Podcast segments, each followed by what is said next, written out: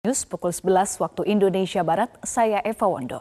Pemirsa Pengadilan Tindak Pidana Korupsi kembali menggelar sidang dugaan penerimaan gratifikasi dan pencucian uang yang menjerat mantan pejabat Dijen Pajak Rafael Aluntri Sambodo hari ini, 6 September 2023. Dalam agenda sidang hari ini, Rafael Alun menyampaikan eksepsi atau nota pembelaan dari dakwaan jaksa. Persidangan dugaan penerimaan gratifikasi dan pencucian uang yang menjerat mantan pejabat Dijen Pajak Rafael Aluntri Sambodo digelar hari ini di ruang Wiryono Projo Dikoro pada pukul 10.30 waktu Indonesia Barat.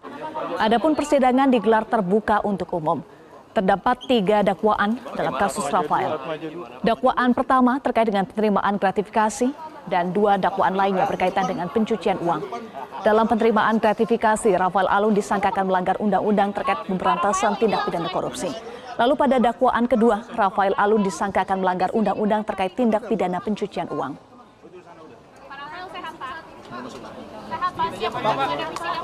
Untuk informasi terkini kita bergabung dengan rekan Arneta Butar-Butar di Pengadilan Tindak Pidana Korupsi Jakarta.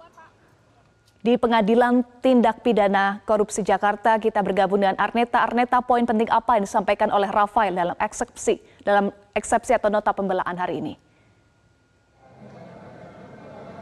Ya, Eva dan juga pemirsa untuk hari ini mantan pejabat di Jen Kementerian Keuangan Rafael Alun Trisambodo tiba tadi pada pukul 10.20 di Tipikor Jakarta Pusat. Dan didampingi oleh kuasa hukumnya Rafael Alun Trisambodo membacakan yang dibantu oleh kuasa hukumnya Dilham membacakan uh, eksepsi terkait uh, penolakan dari dakwaan yang dilontarkan jaksa pada persidangan perdana di 30 Agustus kemarin.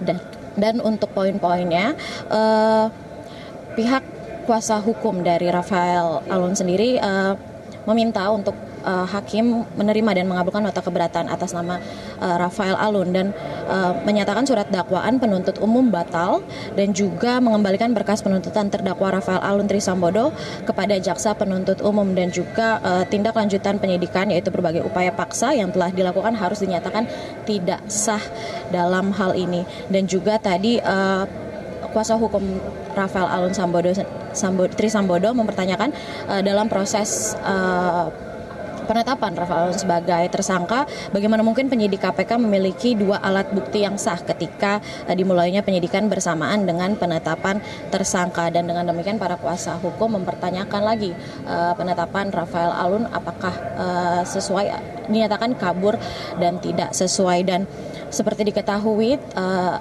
eh, RAT sendiri uh, diduga menerima gratifikasi uh, sebesar 16 miliar bersamaan dengan istrinya dan juga uh, melalui perusahaan yang dimilikinya seperti PT Arme, PR Cubes Consulting, PT Cahaya Kalbar, dan PT Krisna Bali International Cargo. Eva.